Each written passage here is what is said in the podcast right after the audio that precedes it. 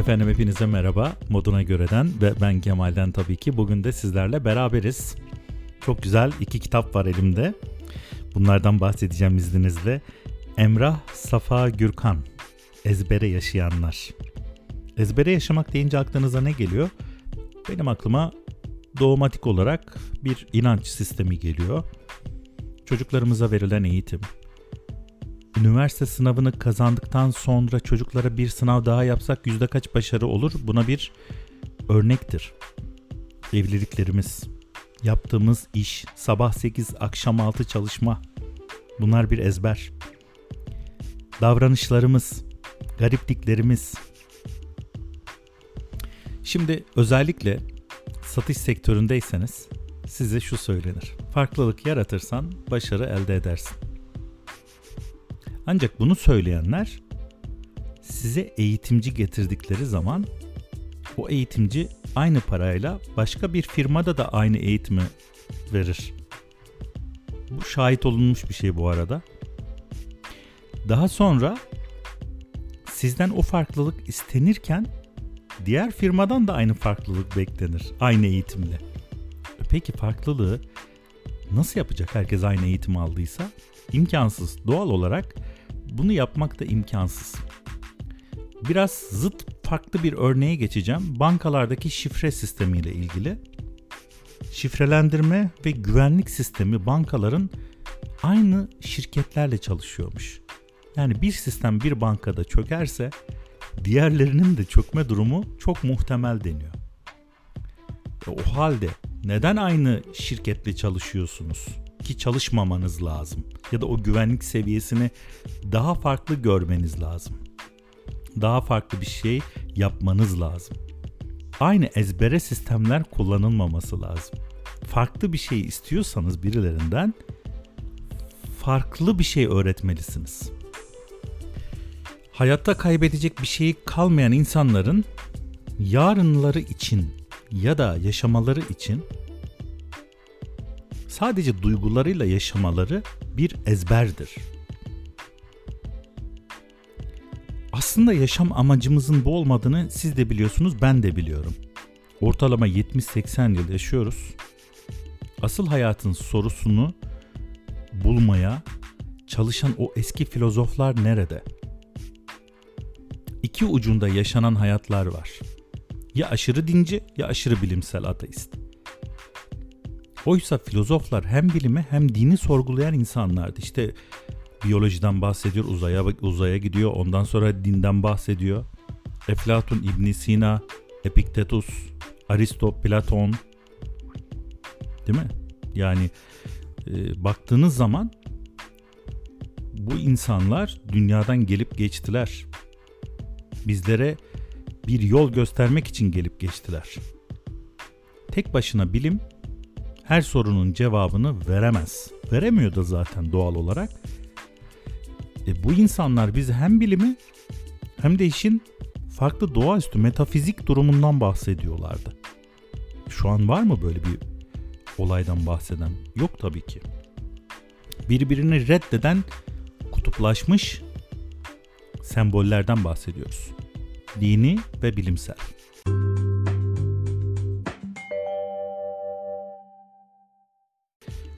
Para kullanmayan toplumlarda insanların birbirleriyle yardımlaşarak ihtiyaçlarını karşılaması benzer bir karşılıklık ilkesine dayanıyor. Eski toplumların para yerine takas ile alışveriş yaptığı bir mit. Ekonomiyi siyaset ve ahlaktan ayrı otonom bir alan gibi göstermeye uğraşanlar ki bunlar liberaller Adam Smith'ten bu yana kim ne derse desin antropologlar henüz kendi içinde takas ile alışveriş yapan bir topluma rastlamamış diyor. Takas aslında birbirini tanımayan kabilelerin bir araya geldikleri zaman kullandıkları bir şey. Yani yeterli güven ortamının oluşmadığı, birbirine yabancı insanların bir kereye mahsus olmak üzere eşya değiş tokuş yaptığı ritüellerle de desteklenen mecburi bir çözüm. Klasik ekonomi teorisi paranın henüz bulunmadığı toplumlarda patatese sahip ancak ayakkabı ihtiyacı olan Ahmet'in tam tersi durumda olan Mehmet ile bir değiş tokuş ilişkisinin e, olduğundan bahsediyor. Oysa Caroline Humpley bulgularını tekrar gündeme getiren Graeber'e göre bu toplumlar tamamen uydurma. Zaten bu sürekli papağan gibi birbirlerini tekrarlayan ekonomi kitaplarının takastan her laf açıldığında şimdi bir toplum hayal edelim demesinden de belli. Dünya üzerinde kültürü incelenmemiş toplum kalmadı. Kitabın bir başka bölümüne geçelim. Çok güzel bir sözle başlıyor. Yeterince gelişmiş bir teknoloji büyüden ayırt edilemez. Bob Dylan Büyü henüz anlayamadığımız bilimden başka bir şey değildir demiş yine Arthur Clarke. Ve Francis Hudson Burnett her şeyde büyü olduğuna eminim. Sadece onu anlayacak ve bizim için bir şeyler yapmasını sağlayacak sezgiye sahip değiliz demiş. Tarih boyunca insanların büyü ve falla hep haşır neşir olduklarını zaten biliyoruz. Nihayetinde eskilerin evren ve doğa kanunları hakkında bildikleri oldukça kısıtlıydı. Ve bu şartlar altında doğaüstü güçlerden medet ummaları normal bir şeydi. Ancak teknolojinin her an hayatımızı kolaylaştırdığı, bilimin her geçen gün rüştünü ispatladığı ve hatta kendisine tapınan müminlere sahip olduğunu bunlara bilim perest deniyor. Bu ortamlarda insanların hala metafizik güçlerle aralarına mesafe koyamadıklarını görmek şaşırtıcı. En modern insanlar bile astroloji haritalarından, alternatif tıptan, enerji yollamalarından, Reiki ve Qigong gibi bilimsel dayanığı olmayan şeylerden bahsediyor. Değeri kendinden menkul olan modern batıl inançlar yeni adlarla, türlü türlü kılıklarla karşımıza çıkıyor. Çocuklarının doğduğu ayı burçlara göre ayarlayan çiftler evlerini Feng Shui'ye göre dizayn ediyorlar. Kurban kanı alnına değince kazadan beladan korunacağına inananlar, aşk ve iş hayatından, gezegenlerin düzenli hareketlerinden anlam çıkaranlar ve bunlar modern insanlar. Peki tüm bu modernlik, iyi eğitim, geliştirme sloganlarına rağmen niçin günümüz insanı hala tarım toplumunun düştüğü tuzaklara düşüyor? Neden bir taraftan teknolojinin tüm imkanlarından istifade ederken öteki taraftan da bu teknolojinin temelindeki bilimin metotlarına sırt çeviriyor? Ya da hayli iki yüzlük yapmayalım, çeviriyoruz, buna biz de inanıyoruz. Son 200 yılda hayatımızı değiştiren bilimsel gelişmeler neden insanoğlunu metafiziğe bel bağlamaktan vazgeçiremedi? Akılcılık çağında bu safsatalara hala neden inanıyoruz? İnsanların büyüye inanmak konusunda ezelden gelen ısrarı yarınların da pek farklı bir tablo getirmeyeceğini gösteriyor bize. Büyü ve fal toplumların hemen her seviyesinde küstahça bir gülümsemeyle arzı endam ediyor. Krallar, sultanlar, imparatorlar hemen hepsinin aldıkları en önemli kararlarda göklerin fikrini sormadan kesinlikle hareket edilmiyor. Romalılardan bahsedelim. Romalıların kuşları gözlemlediğini biliyoruz. Remus ve Romulus'u biricik şehirlerini kuracakları yeri gördükleri akrabaların sayılarına göre seçilmiş bir sistemdi. Kuşları gözlemlemeyi dinlerinin bir parçası haline getiren bu emperyal halk olayı sistematize etmeyi de ihmal etmiyor. Bu sistemde iki ana kategori bulunuyor. Bunlardan birincisi direkt kuşların gözlemlenmesi. Karga, baykuş, kuzgun, keklik gibi kuşlar ötüşleriyle mesaj verirken yırtıcı kartal ve akbabalar uçuş şekilleriyle yer ve zamana göre yorumlanıyordu. Eski çağlardan beri yıldızların konum ve hareketlerinin bir işaret sistemi olduğuna ve bu sistemin yorumlanmasının gelecekle ilgili ipuçları vereceğine inanılıyor. Roma tanrılarının isimleri de bu gezegenlere göre alınıyor. Peki bizim Mezopotamya'ya dönelim özellikle Abbasilerden itibaren İslam toplumlarında astrolojinin önemli bir yer tuttuğunu söyleyebiliriz. Hatta Müslümanların yıldız tutkusunun zaman zaman astrolojiye yasak getiren Romalılara göre çok daha ateşli olduğunu fark ediyoruz. İslam dünyasında tüm önemli siyasi ve askeri kararlar yıldızlara bakılarak alınır.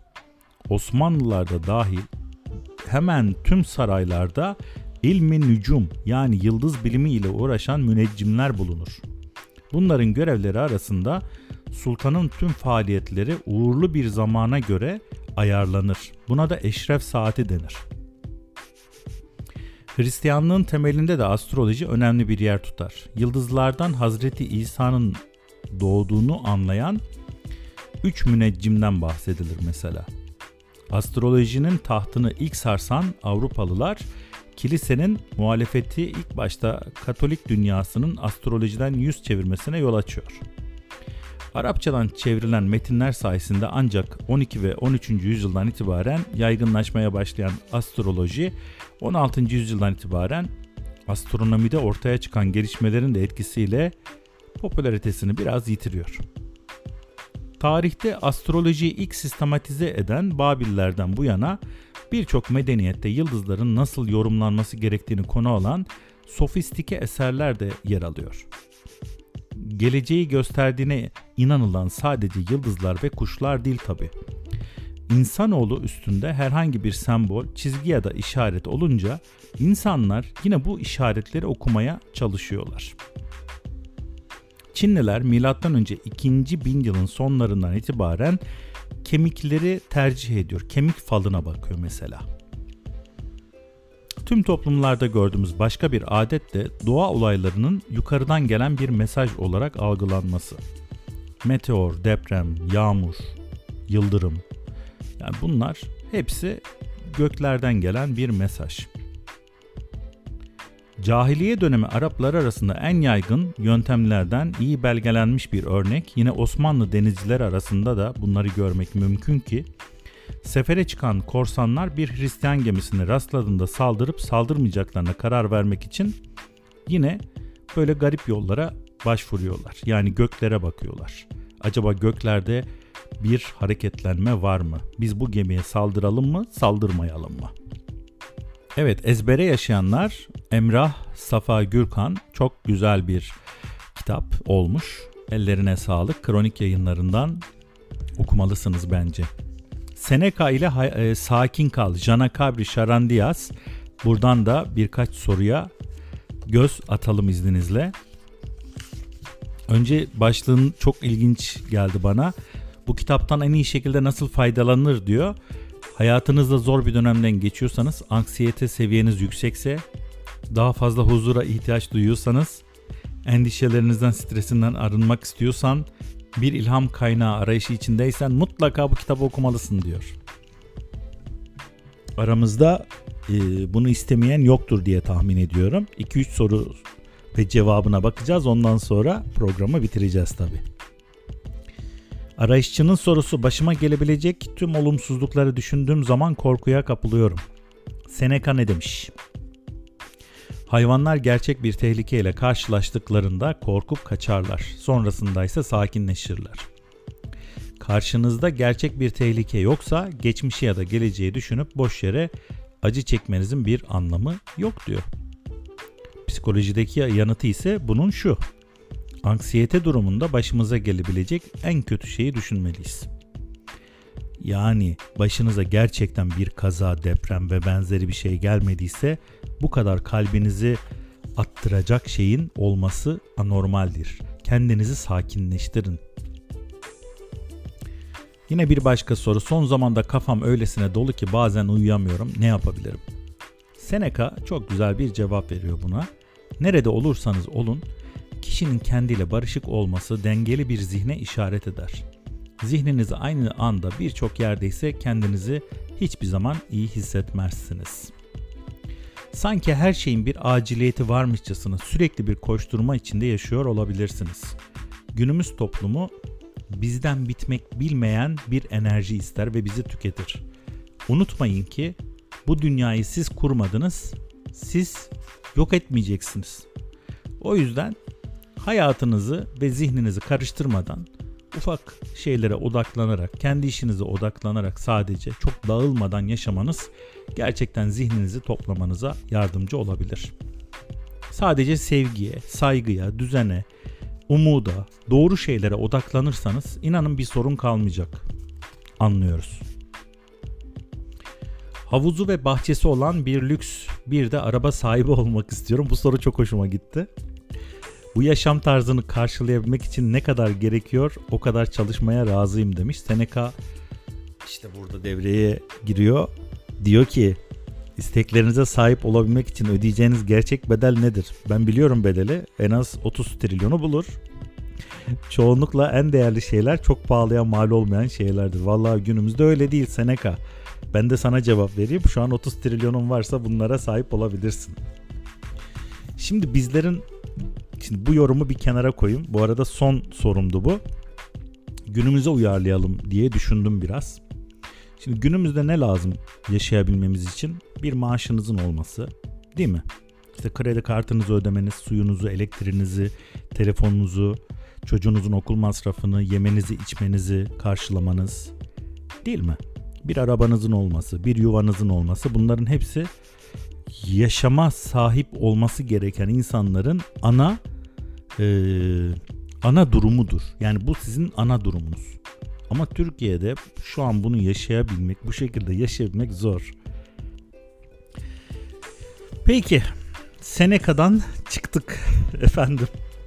İki kitap sizlere bugün önerdim. Sakin Kal Seneca ile bir de Ezbere Yaşayanlar Emrah Safa Gürkan. Moduna göreden ve ben Kemal'den bugünlük de bu kadar diyelim. Umarım bir başka programda yine görüşürüz. Hoşçakalın efendim.